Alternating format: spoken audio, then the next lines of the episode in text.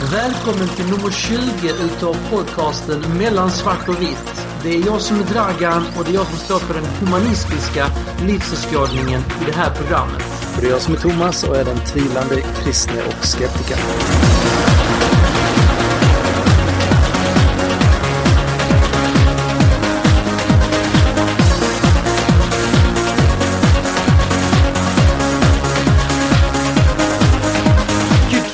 Ja, Thomas. Nummer 20. Men vi kommer inte att högtidhålla den här eh, händelsen. Nej, fast egentligen att vi skulle kunna gå ut och köpa skumpa nu när vi har fyllt 20. Mm. Men eh, vi har ju mm, markerat av nummer 10 och 15 så 20 får nog passera. Vi sätter ribban högt. Vad ska vi säga? Ska vi fira när vi fyller 50-årskalas kanske? Eller? Fem, 50-årskalas blir det nog stort firande tror jag. Vi, vi, vi, eh, så kan vi bjuda in lite, lite trogna lyssnare också kanske. Då kan vi bjuda in de närmaste sörjande. Ja, vi säger så. Jajamän. Eh, nu går vi vidare till aktuella händelser och där har du upptäckt någonting.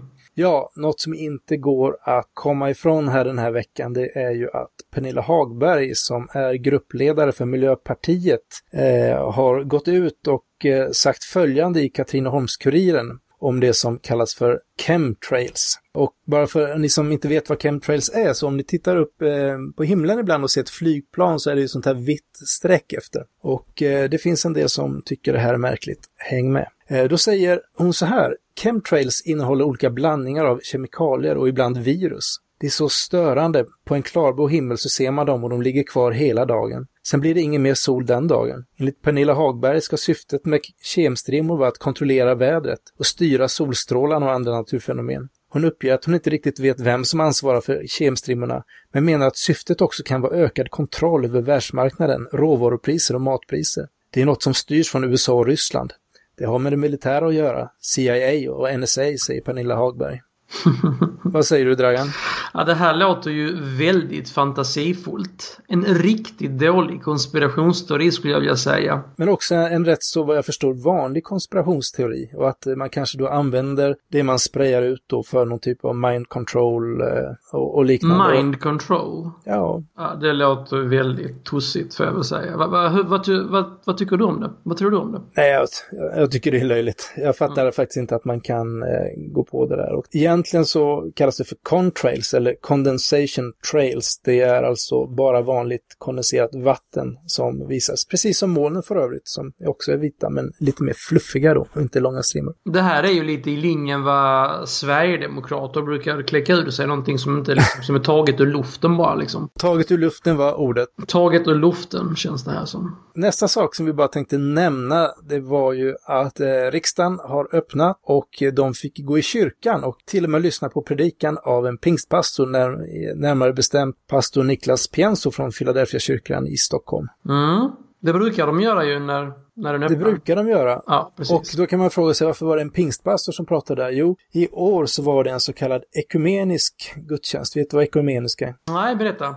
Det är ett sånt här, eh, ja, ett sånt ord som bara kristna förstår vad det är, höll på att säga. Det, det, all, Då, det, då, förstår du, då förstår jag varför du vet vad det är. Jag var ordförande i eh, Dojkivrob, det ekumeniska, Hoppla. det kristna ekumeniska ungdomsrådet i Vittsjö, Bjärnum och Röke. Jaha.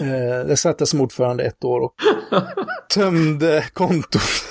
Tömde kontot? Ja, men jag, Okej. jag, jag satte alla pengar vi hade på någon, någon typ av eh, kristen konsert och sen vet jag inte vad som hände. Det var väldigt lyckat men ja, det var en Okej. kort karriär som, det är inte riktigt min grej att ha sådana seriösa uppdrag utan De sparkar dig sen alltså? jag vet inte, jag har förträngt det. Du har förträngt det, okej. Nej, Men jag i alla fall, ekumeniskt, det betyder att det är folk från många olika kyrkliga sammanhang och det finns i Sverige också olika ekumeniska råd då där, där både kanske då katoliker och protestanter och frikyrkor och ortodoxa finns med då. Okej. Så att eh, förutom då eh, Niklas Pienso så var det även eh, Ulla-Marie Gunner från Gemensam Framtid och Marie Willemark från Frälsningsarmén som deltog. Men det var ju fler som hade samlingar istället. Jaså? Ja, eh, förbundet Humanisterna som givetvis då inte tycker att det är rimligt att man ska behöva delta i en religiös gudstjänst Mm. eh, i en sekulär stat ordnade ett alternativt öppnande Mm. då med eh, något seminarium eh, och liknande. Och Ja. eh, det har ju stått lite om det på humanistbloggen vet jag. Ja. Jag har kollat lite grann på det och eh, jag får väl hålla med Christer Sturmark när han då i en eh, SVT-debatt skriver att gudstjänsten i Storkyrkan visar att staten inte är sekulär. Han skriver också att eh, riksdagsledamöterna, de är valda av folket till att tjäna folket, inte till att tjäna Gud. Mm, det låter ju rimligt. Därför erbjuder nu humanisterna för första gången ett sekulärt alternativ till gudstjänsten i programmet för riksdagens öppnande. Vid samma tidpunkt då, klockan 12.30. Det här är ungefär som när de sänder Idol kontra, ja, vad blir det? På spåret. Men Idol mot På spåret. Det är ja. en sån kväll. Man kanske hämtat idén därifrån, man vet aldrig. Vad väljer du av Idol eller På spåret? Ingen av dem. Idol alltså? Nej, okay, ingen men... av dem. bjuder in till humanistisk eh, samling i, i, en annan lokal då. Och det var en samling i humanismens och upplysningens tecken. Mm. Och där så eh, fick man lyssna bland annat på Ulf Danielsson som berättade om universums historia och lite om dess framtid. Vet du hur många som kom? Nej, berätta. Fyra. Fyra pers? Alltså... Nej, fyra riksdagsledamöter. Ja, okej, okay, fyra att, stycken. Var det andra där? Det måste varit en massa andra där. Det var väl lite andra där. Men man måste ju börja någonstans. Ja. Det är så när man börjar sända podcast. Det ja, jag, fyra... jag, jag, gissar ju på att det var ingen från KD där i alla fall. nej, det, det, det skulle varit en högoddsare. Ja. men, eh, nej men vi välkomnar väl eh, det initiativet. Ja, du också. Ja, alltså, jag har ju varit rätt tydlig med att jag står för en okay. sekulär stat. Sen å andra sidan, jag tycker inte det är fel att gå i kyrkan. Nej, nej. Men, Men om, du, eh, om, du, nu hade haft de här två alternativen och varit riksdagsman för KD, var hade du gått då? Eh, jag skulle definitivt gått i kyrkan. Helt klart. Om du hade varit, om du, om du hade varit vänsterpartist, var hade du gått då? Eh, till puben. det var inte ett av alternativen. Nej. Okay. Ja, men jag skulle, jag, jag, det låter mm. väldigt intressant det här seminariet också. Jag skulle gärna gått på det, men eh, jag tycker att det är festligt med, och högtidligt att gå eh, till en gudstjänst, så att eh, det skulle jag gärna gjort. Men, en vild gissning. Var tror du jag hade gått? Jag har inte gått hem och lagt det. Nej, jag hade ju faktiskt givetvis tagit det här alternativet. Ja, det förstår jag. Självklart. Eh, och det tycker jag väl också. Och det gäller ju, det här är ju egentligen samma fråga som skolavslutningsfrågan. Yeah. Det är bara att det är riksdagsöppnansfrågan istället. Precis. Eh, att, att man vill ha eh, den sekulära och att man inte ska bli tvingad att gå in i något visst eh, religiöst, konfessionellt sammanhang. Och det, det är ju vettigt liksom. Ja, det är det ju.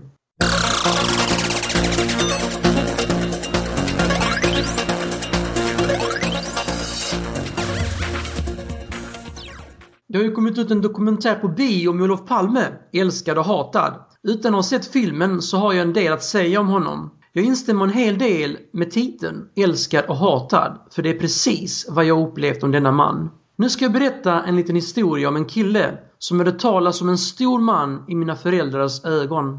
Om jag ska välja mellan älskad och hatad så blir det självklart älskad. En av mina goda barndomsminnen var just Olof Palme och att han älskade oss invandrare. Det var i alla fall vad mina föräldrar berättade för mig när vi bodde på Rosengård. Ja, jag är uppvuxen på Rosengård i samma trappuppgång som Zlatan på Krummans om jag ska vara mer exakt. Och jag minns så väl när jag stod där och lyssnade på Palme i Folkets Park i Malmö ihop med min far och lite vänner till familjen. En riktig gåshudsupplevelse får jag nog säga. Men jag fick mig dock en tankeställare när jag väl kom ut i arbetslivet. När jag väl hade utbildat mig till ingenjör och började jobba så var inte bilden lika ljus av Palme, socialdemokratin och första maj som upplevdes som ett stödmoment i en borgerlig orgie av okunskap som numera sprids som en farsot för att eliminera det som Palme var med om att bygga upp i Sverige. Något som blivit möjligt tack vare avsaknaden av en person som just Olof Palme. För vad fick vi efter honom? Fega politiker som inte vågar stå upp för så mycket. Vi fick inte så mycket som vi kunde hänga i julgranen. Jag tycker Palme var en bra människa. Må han vila i frid. Ja, det var min lilla monolog och den första av två som ni kommer få höra i detta avsnitt. Vad betyder Olof Palme för dig, Thomas? Jag har faktiskt inga minnen av honom förrän innan han sköts och eh, men jag minns mycket väl den morgonen för att jag hade gått upp väldigt tidigt bara för att vi skulle spela seriespel i eh, bordtennis, vilket är den sport som jag har haft mest framgångar i. Okay. Eh, så jag var en riktig atlet som, som ung då. Mm. Eh, och jag vet när jag klev in i Bibeln. I Bibeln? och jag vet när jag klev in i bilen den morgonen så lyssnade de på radion och det var helt tyst i bilen bara för att då berättade de att Palme var skjuten. Mm. Eh, och vi åkte tysta hela vägen om det var till Bromölla eller vad det nu var och Mm. skulle spela. Okej. Vad berättade dina föräldrar om honom? Inget speciellt vad jag minns, men eh, jag kan fråga dem. Ja, men gör det. Så får vi ta det i ett eh, annat program. Så tar vi det nu. Okej, ska du ringa dem nu? Jag har redan ringt, så häng med här ska du få höra vad min pappa Ja, sa. okej. Okej. Ja, tack. Ja, tjena dig Thomas. Ja, tjena där. Hur är Hej. läget? Jo, det är bra. Hur är du själv? Jo, vad var Jo, när vi håller på att gå, göra oss i ordning och käka frukost strax. Så vi ska och ge oss iväg på gudstjänst sen efter det. Okej, så det är frukosttid. Jag hade faktiskt inte riktigt koll på klockan. Ja, visst. Klockan är kvart i nio här i Nashville. Okej, ja. ja. Ni är ju i USA och du är i sändning för övrigt. Oj, så där var inte dåligt. Precis. Eh, eh, för att eh, jag har en fråga om Palme sen. Men vi kan ju bara ta, vad gör ni i USA egentligen? Eh, vi, först var vi på NQC, National Quartet Convention, som är den största eh, gospelsammandragningen i USA överhuvudtaget när det gäller eh, kvartetter och sånggrupper. Och där var vi en hel vecka. Och, eh, jag spelade bland annat på en eh, grej, showcase som det heter, på en av de mindre scenerna, men det var nog tusen pers där, så det räcker bra. Och eh, sedan så var jag med på en, eh, gjorde en egen CD nu i veckan hos Gator Studios i Alexandria i eh, Indiana och spelade in 15 låtar där jag sjöng och spelade. Och eh, det kändes jättebra. Jag har övat mycket för det så att eh, det var välkämpade timmar innan så att det funkade kanon. Men du, jag fick nämligen en fråga här om min kompis Dragan på Mellan svart och vitt. Han ville prata om Palme idag och han hade en del minnen som han ville dela med sig av. Och så skulle jag komma på någonting om Palme. Okej. Jag kom inte på någonting i stort sett från att han blev skjuten. Så vad minns du av Palme och vad tyckte du om Palme? Eh, det, det, jag var ju aldrig någon sån här Palme-fan om man säger så va, men, och röstade aldrig på sossarna. Men han, han var ju en aggressiv politiker och som eh, stack ut verkligen. Och, och han kämpade ju för sin sak, så det får man ju ha respekt för. Va? Men som, eh, som politiker tyckte jag han var lite smått otrevlig mellan varven. Okej. Men han han brann ju för sin sak och det får man respektera. men Han behöver inte ha samma åsikt. Det, Nej, precis. Nej, men det var egentligen bara det jag undrade. ja visst, Så att, eh. Vi hade väl inga större politiska diskussioner kring matbordet heller. Jag var inte så gammal då. Nej, sen det här med politik, vad heter man? Eh, Jag har nog inte varit till, tillräckligt insatt på alla, alla områden där för att kunna uttala mig utan det har nog varit eh, en massa tyckanden. Så att, eh, då kan man nog kanske ligga lågt med åsikter när man inte är mer insatt. Ja, okej. Nej, men ha det riktigt gott så, så hörs vi. Det är bra. Ja, Ha det gött själv. hej då. Var rädd om dig. Hej då. Hej. Så det var inte så mycket från honom liksom. Men... Nej. Nej, nej, men eh, han sa ju något positivt också så att eh, han var ju ingen Palme-fan heller sa han. Nej, det var han ju inte. Jag Nej. borde ju frågat vad han kanske... Sakfrågor vad, vad, det, vad det gällde, men... Men du hann inte helt enkelt. Men eh, det var väl kul ja. att höra din farsa också. Nu har vi Ja. hört både din morsa och din farsa. Härligt. Jo, precis. Du hade också en monolog. Ja, ibland så får jag ju lite frågor om det här med att kalla mig kristen och att kalla sig skeptiker. Och jag, och jag har spelat in en liten snutt som kommer nu. Kick it! Jag börjar med en liten disclaimer. Jag är ny i det här. Ny i att kalla mig skeptiker. Ny i att fundera på vad jag egentligen står i min kristna tro. Jag lever på. Går till kyrkan och ber ibland och har under en lång tid inte funderat så mycket. Här är hur jag tänker nu den 22 september 2012. Imorgon kanske jag fått nya tankar. Men det är dags att göra ett nedstamp. Men jag är beredd att ändra mig åt det ena eller andra hållet om det uppkommer bättre argument. Så ni får gärna försöka övertyga mig åt det ena eller andra hållet. Häng med! Varför kallar jag mig då för skeptiker? Jo, dels är det så att jag identifierar mig med begreppet. Jag gillar att ställa frågan varför. Att tänka kritiskt och, och jag älskar vetenskapen och vad det har betytt och betyder för mänskligheten. Inte minst att det har gett oss internet och iPhones förstås. Jag anser att uttalanden om verkligheten ska prövas med vetenskaplig metod. Men jag anser att man kan vara skeptiker även om man menar att det finns frågor som naturvetenskapen troligtvis aldrig kommer att hitta svar på, till exempel Guds existens. Om det finns evidens som talar mot mina nuvarande uppfattningar så måste jag ändra mig, även om det tar emot. Jag tror inte på God of the Gaps, utan det finns saker som inte kan förklaras och jag nöjer mig med att säga ”vet inte”. Men jag väljer ändå att söka i den kristna traditionen efter Gud. Inte för att den ur ett logiskt eller ett naturvetenskapligt perspektiv är det mest sannolika. Utan att jag rent subjektivt tycker att det är det mest intressanta, tilltalande. Att jag upplever att det kan finnas eld och jag anar rök i horisonten. Jag antar att röken består av det positiva jag sett av kristen tro, av mina vänner och historien av de abrahamitiska religionerna. Jag ger inte kristendomen frikort för mitt skeptiska tänkande, men jag ger sökandet i den traditionen förtur. Man kan inte söka överallt på samma gång, utan man får börja någonstans. Jag förstår att många med en annan bakgrund än jag tycker det är vansinnigt att söka efter Gud inom kristendomen med sin krigiska Mellanöstern-gud och historia av förtryck och makt. Men om man anser att det är hela bilden, eller den mest relevanta, finns nog utrymme att vidga sin syn. Varför är jag då kristen? Det kanske till och med är en bättre fråga. Dels är det att jag identifierar mig med begreppet. Det är min uppväxt och min referensram på hur jag ser på Gud. Jag tycker det är intressant att undersöka möjligheten inom den kristna traditionen med ett skeptiskt sinnelag. Här kan man använda sig av bibelkritik, historiekritik, religionspsykologi och en mängd andra vetenskapliga discipliner för att skeptiskt utmana sin tro. Den kristna miljön är också den som jag går till för att delta i religiösa riter. Jag tycker att Jesus som han beskrivs i Nya Testamentet är en förebild att efterlikna. Det innebär inte att jag uppfyller de kriterier som någon annan anser att jag behöver uppfylla för att vara en kristen. Om jag måste försanthålla Guds existens, påstå att Jesus var Guds son, att Bibeln är Guds ord, då skulle jag inte kunna kalla mig för skeptiker. Men ärligt talat, är det så himla viktigt egentligen? Skulle jag vara övertygad om Guds existens skulle jag nog vara rätt nöjd. Är jag en sökare då? Ja, det kan man väl säga begreppsmässigt, även om jag inte identifierar mig så mycket med det begreppet. Det låter så andligt och osäkert. Som om man vill provsmaka allt på det andliga smörgåsbordet. Jag kan inte heller säga att jag söker så intensivt. Jag har fått frågan hur jag söker. Ja, jag sänder en podcast. Och det hjälper mig sätta ord på saker, utmanas och låter mig träffa nya människor, troende som icke-troende. Och jag uppskattar båda lika mycket. Jag går i kyrkan, jag trivs i miljön, med människorna och med gudstjänstformen i de kyrkor jag går till. Jag känner att jag kan vila i den utan att det finns förväntningar på att jag ska tro på ena eller andra sättet. Sen samtal öga mot öga, eller binärt etta mot nolla. Kanske hittar jag andra sätt att söka på. Kom gärna med förslag. Vad kan då få mig att sluta söka inom kristendomen? Det finns ju så mycket annat. Det är en bra och svår fråga. Man bör kunna svara på vad som falsifierar sin hypotes.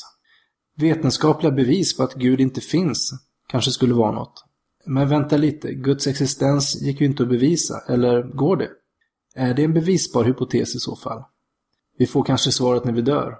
Eller inte. Ett svar skulle kanske vara att något annat verkar mer intressant och få förtur. Islam, buddhism eller sekulär humanism, vilket förstås gör att jag droppar hela det här gudtramset. Ett annat svar som ligger nära till hans är helt enkelt, jag vet inte. Fråga mig imorgon. Det var allt för mig den här gången. Du kanske tyckte att jag varken var en riktig skeptiker eller en riktig kristen. Ja, då får jag väl bara vara Thomas då. Det kan jag leva med. Kram! Ja, det var ju en bra sammanställning av vad du har sagt på Twitter och även här på podden tycker jag. Ja, någonstans får man väl sammanfatta lite var man har hamnat någonstans. Ja, så är det. Så är det. Så att, och är det eh, någonting som någon eh, inte har hört på Twitter och tvärtom så får de gärna eh, fråga in via Twitter eller via hemsidan eller vad det nu är om de har frågor på eh, din lilla monolog här. Och även om min. Jag har på eh, Twitter så hittar ni mig på Thomas Schoberg med TH. Man hittar mig på @draganomanist. Och det här säger vi ju i slutet på varje avsnitt. Men eh, mm. om det finns sådana som av någon anledning inte lyssnar klart så fick ni höra det här igen. Och jag tänkte säga också att eh, min eh, lilla monolog här kommer jag lägga ut som ett separat blogginlägg på mellansvartovitt.se också så att man kan kommentera det om man vill eller om man bara vill eh, läsa det igen eller skriva ut det, eh, ja, vad man vill. Jag skulle vilja säga, vi får se om den får mer än 60 kommentarer som en viss annan eh, blogg fick. Ja. Men nog om den, nog om den. Ja. nu går vi vidare till veckans citat. Ja, och vi börjar med veckans bibelord. Yes. Och vi läser från Matteus 6, 19-21. Jesus sa, samla inte skatter här på jorden, utan samla skatter i himlen. Där din skatt är, där kommer också ditt hjärta att vara. Ja du, var Jesus en tidig Tea Party-medlem kanske?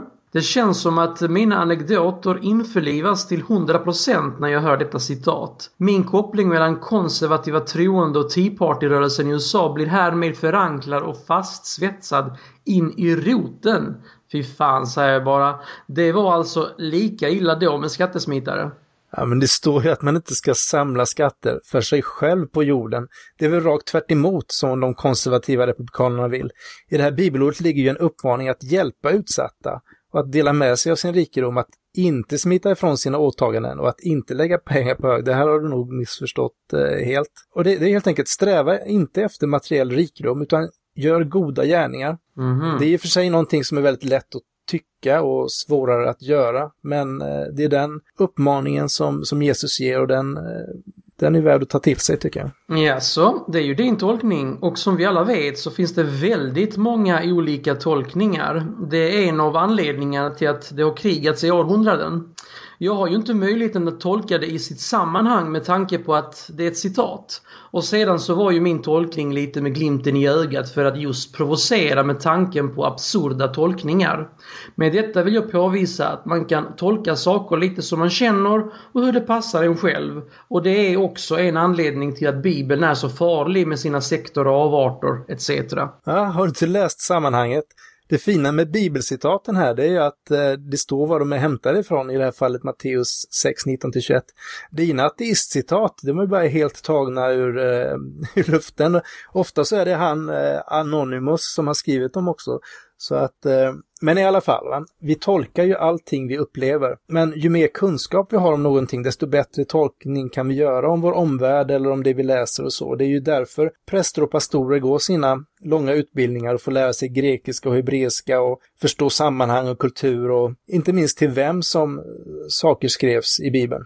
What a waste of time. Kan de inte bara skippa bibeln och använda sitt sunda förnuft istället för att tolka tokiga, mediokra, weird bibelord? Sedan så kan prästerna kanske utbilda sig till något vettigt istället. Ja, frågan är var det sunda förnuftet kommer ifrån. Kanske är det för att man har läst eller hört talas om eh, visa ord som någon annan har sagt tidigare. Det finns väl visa människor som har skrivit eh, böcker som inte heter Bibeln? Absolut, mm. absolut. Eh, och det finns få böcker tror jag som har inspirerat så många olika författare som Bibeln. Mycket möjligt, mycket möjligt. Även inspirerat till krig som jag tycker om att nämna lite då och då.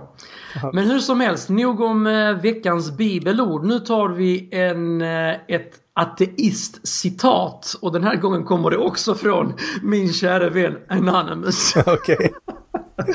Så här lyder det här citatet. God and the devil are only sustained in existence through belief in them. Eh, och det var Anonymous, ja. Mm. Det var ju Anonymous. Eh. Vad säger du om det då?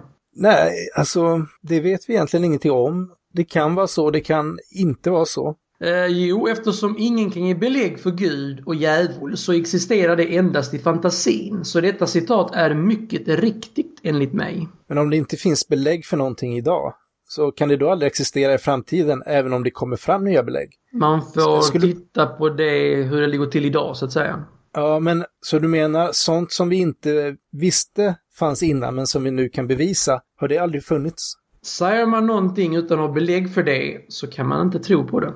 Men, men till exempel, skulle du säga att det finns liv i universum, alltså förutom här på jorden? Finns det... Det finns en stor sannolikhet att det finns, men man kan inte säga det ena eller det andra. Nej. Och där finns ju, alltså med tanke på att jorden existerar och, och, och, det, och det finns ju liknande solsystem som man har upptäckt via forskning då. Så finns det ju en stor sannolikhet att det finns liv någon annanstans. Men man vet ju inte för sure liksom. Nej, men då menar du att då blir det ett belägg när det, fick, när det finns stor sannolikhet? Ja, precis. Och hur stor sannolikhet måste det vara för att det ska räknas som ett belägg? Alltså det ska vara, det ska vara så att säga mer än 0 procent. Så om det är 0,000000001 I det här, fall, i det här fallet så är det ju 0 procent. Alltså Gud och djävulen, det är liksom, det finns Men inte. du menar så fort det finns någonting mer än 0 procent så finns det ett ja, belägg för att det kan finnas? Ja, det får vara lite mer än 0 procent tycker jag. Ja, men hur mycket mer? Ja, eh, mycket mer. ja, mycket mer. Räcker det om det är 1 procent? Jag har inte, jag har ingen... Eh, Jag har 2%. ingen eh, gräns att just, det, måste, det måste övergå till visst den här precis. Men det, det, det får ligga någonting i det man säger annars så, så är det 25%. något som existerar i fantasin. Ja. Det vore ju väldigt intressant att veta var gränsen går för att det ska räknas som ett belägg här. Så att eh, fundera på det till nästa vecka så tar vi upp den frågan igen. Nej, det gör vi inte. Men eh, däremot så eh, ska vi ju börja lyssna på lite musik. Och den här gången är det du som spelar. Det är jag som spelar och det är återigen från 2001 eh, då jag spelade in. Egentligen så var det så att jag ville lägga ut några låtar jag hade spelat på internet. Och eh, då hade man inte sådana här fina prylar så att man kunde göra det på ett bra sätt hemma. Eh, så att eh, då kände jag en kille, eller via en kompis som hade en studio.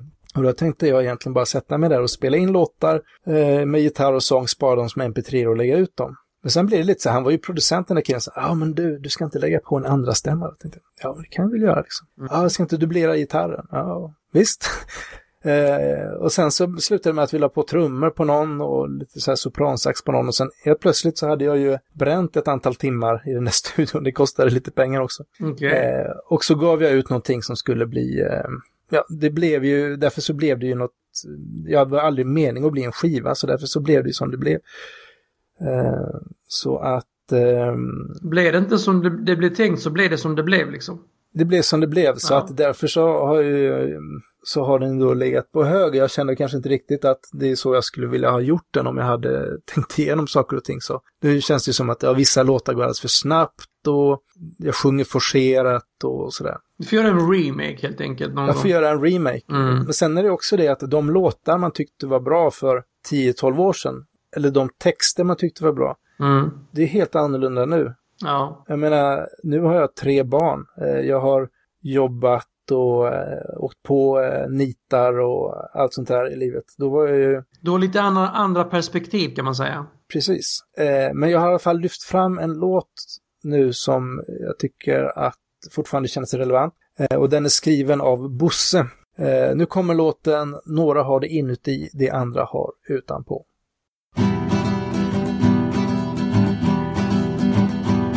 Medan andra människor jobbar på alla tänkbara sätt och vis för att på en eller andra sättet nå fram till någon slags paradis. Ja, när andras liv får mening i någon minneslös produktion sitter du och sörjer över en bortblåst illusion.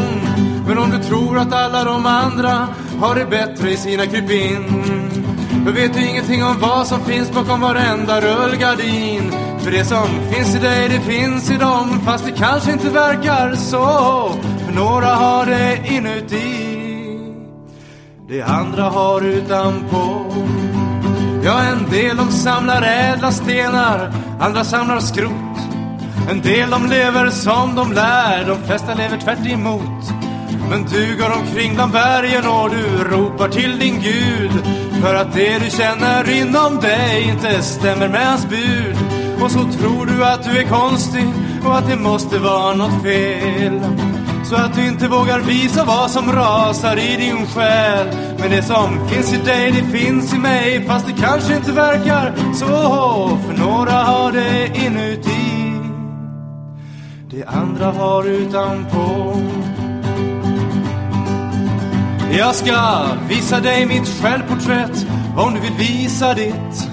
Och alla svåra bilder är så olika som svart och vitt. Men när vinet börjar verka och när belysningen dämpas ner och när färger som vi själva valt börjar blekna mer och mer. Ja, när prestigen inte längre fyller någon funktion när argumenten börjar ta slut. Ja, i det första morgonljuset så ser alla ganska lika ut. För det som finns i mig, det finns i dig. Fast det kanske inte verkar så. För några har det inuti. Det andra har utanpå. Var det inte lite plura över den? Det var bara för att jag sluddrade lite. Ja, jag vet inte, jag tyckte jag fick sån här inte plura-känsla över det hela liksom. så. men Plura är bra så att... Eh, nej men det var nej, väl nice så- tyckte jag. Sedan så nämndes ju även lite svart och vitt texten. Svart och vitt var med. Eh, Så att det passar ju bra. En Ja, men det är rätt skönt när man, låt. du vet, man sjunger och så kan man, så, Mm. man kan slira lite på orden. Och, härligt, härligt. Det är rätt gött. Eh, Ännu en låt eh, spelad av eh, Thomas Tvivlaren då. Men just det här med svart och vitt, ja. Vi hade ju en Google Hangout här om kvällen. Det var Ralf Månsson på, på Twitter som helt plötsligt eh, ville hänga out i, i Googles videokonferenstjänst och vi lyckades även få med vår kära medlöpare Anders Hesselbom i Radio Haudio så hade vi ett eh, lite så här trevligt gruppvideosamtal. Det är fantastiskt kul och vi kan väl försöka det, vi som hänger på Twitter, att lite då och då eh, koppla upp oss på det. Det kan vara trevligt att diskutera på det sättet också. Det är ju inte alltid som de här 140 tecknen eh, lämpar sig för alla typer av diskussioner. Nej, det har man ju märkt. Ja, då fick vi bland annat en liten känga från Anders där han tyckte att eh, ja, mellan svart och vitt. Så kan det ju liksom inte heta bara för han, han, kan, han sa bara svartvitt sa han, men vi heter ju mellan svart och vitt. Ja, men det är ingen som orkar säga liksom. Ja, det var för långt va? Vad, vad, tycker, vad tycker du om det egentligen? Att vi ska kalla oss för svartvitt istället. För, Ja. det, det, det blir ju helt fel för att grejen var ju att det vi pratar om det är ju mellan svart och vitt även om vi kan spåra ur eh, mot svart och mot, mot vitt så att eh, Precis. Nej jag tycker nog att vi ska hålla mellan svart och vitt. Ja. Vad tycker du själv? Vi, vi funderade ju på att heta gråskala innan eller så. Ja men det, det, det pratar vi om i avsnitt ett. Jo, precis. Jag vet att vi pratade om det då. Men jag menar, för de som hängt med hela vägen skulle det kännas att, att helt plötsligt detta svartvitt. Jag vet inte. Så du, har, du har, sugit på den, har du sugit på den karamellen alltså? Nej, jag får väl börja göra det. Men är det någon som har någon åsikt om vad vi kallar programmet så kan ni höra av er också. Sen har det ju inte underlättat att vi heter at svart vitt på Twitter heller. Då blir det ju rätt så lätt att man kallar det för svartvitt. Ja. Men du vet det geniala i det. Nej, berätta vad är det geniala i det? Alltså understrecket är ju det som är mellan svart och vitt. Du, det har inte jag tänkt på. du inte tänkt på det? Men men nu när du säger Det det, är så är det ju medvetet. väldigt genialt alltså. Ja, jag tycker det är helt genialt. Vi kanske ska heta svart understreck vitt. Ja, jag tycker mellan svart och vitt låter bra. Sen att någon förkortar det eh, svartvitt, det, det får man liksom köpa. Det är som Bodies Without Organs, liksom. BVO på något sätt. Sen en lyssnare som jag vill eh, lyfta upp lite speciellt den här veckan är Ullis som kom och tjötade med mig några minuter när jag väntade på tåget uppe i Stockholm. Eh, och twittrade ut om det var någon som ville komma förbi och snacka. Så att det, det otroligt roligt att sånt händer. Det var väldigt trevligt att träffa dig, Ullis. Och, Det är eh, alltid härligt att träffa nya människor. Det är det. Mm. Och eh, både du och jag flyger ju och far lite grann. Ja, faktiskt. Så jag kommer, när jag, jag kommer faktiskt vara i Stockholm på onsdag, Bromma. Mm. Så eh, ja, twittra in. Så Ska vi se om det är någon på Bromma. Och jag har redan en dejt. Nej, tisdag kväll. Tisdag kväll är det. Jag har redan en dejt till när jag ska till, eh, till Göteborg på onsdag. Okej, vem är det nu då? Jakob Ståhle, Okej, ja, vår kära artistbibel. Så Ja, det han ser har jag man ju mycket hört fram en emot. del om på Twitter. Så att, eh, nej, det blir goda grejer. Har du något annat att säga om avsnittet eller så? Ja, det ska bli kul att höra vad lyssnarna tycker om eh, det här nya som vi har börjat introducera nu med monologer i vår kära lilla podcast. Vad Du menar tycker att vi inte alltid pratar i munnen på varandra? Ja, precis. Att vi låter, vi, vi låter oss... vi, vi, vi, vi kör en liten monolog som jag Ja. gjorde och du gjorde så att säga. Vi får se, vi får se vad, vad lyssnarna tycker om det. Men jag tror egentligen så var det ju så att nu så hade ju både du och jag någonting som låg på vårt hjärta som vi ville säga. Ja. Och det kanske dröjer 20 avsnitt till innan vi har det igen. Mm, det vet man ju aldrig. Eller ett avsnitt. You never know. vi, Nej, har inte, vi har inte spikat nästa avsnitt. Det har vi inte, men ja, faktiskt en del schyssta grejer i pipen, det kan vi ju prata om sen. Mm. Eh, Men jag kan säga att så här lite smart prov att jag tror att i slutet på oktober så får vi ett andra samtal med bror Sally och prata islam, judendom, kristendom, alltså mer, mer tros och religiösa frågor. Den ligger här framöver och eh, kommer även ha ett avsnitt med en avhoppad eh, Jehovas vittne. Ja, det ska Rätt bli väldigt intressant. Och sen jobbar jag med på att få ihop dagisgruppen för att prata bibelsyn. Dagisgruppen. Nej, alltså föräldrar på, Aha, på dagis. okej. Mm, mm. Eh, så. så jag jobbar lite på att få ihop det. Ja, Thomas, nu börjar det gå mot sin ända här. Har du något, något slutligt ord du vill säga? Nej, jag vill bara slutligen tacka alla ni som lyssnar och hör av er, skriver recensioner på iTunes. Eh, Det är jättekul att göra det här, jag ser fram emot det hela veckan. Så att, eh, Ni får, ni får twittra in så mycket ni kan för vi, vi blir bara glada när vi får det. vi twittrar, vi hänger ut, vi, vi får se var vi hamnar någonstans. Förhoppningsvis så lär vi oss någonting mer, vi eh, bryter ner fördomar och eh, Vi möts. vi möts Vi möts helt enkelt. ja, i solnedgången. Ha det bra. Ja. Ha det bra allihopa. Hej då. Hej. Du har lyssnat på podcasten Mellan svart och vitt. En podcast som handlar om tro, tvivel, skepticism och humanism. Om du gillar oss så gå gärna in på iTunes och ge oss höga betyg och fina recensioner så att vi kan nå ännu fler lyssnare. Ta gärna kontakt med oss. Vi har Twitterkonto svart vitt för programmet och Thomas har Thomas Schoberg med TH och Dragan har Dragan Humanist. Kan också mejla till oss på tjena snabla mellansvartovitt.se Vi har också en Facebook-sida. Bara sök på mellansvart och vitt. Vår hemsida kan hittas på mellansvartovitt.se och där kan man också kommentera de olika avsnitten. Och sist men inte minst så är vår jingel gjord av Dragans band The Lounge.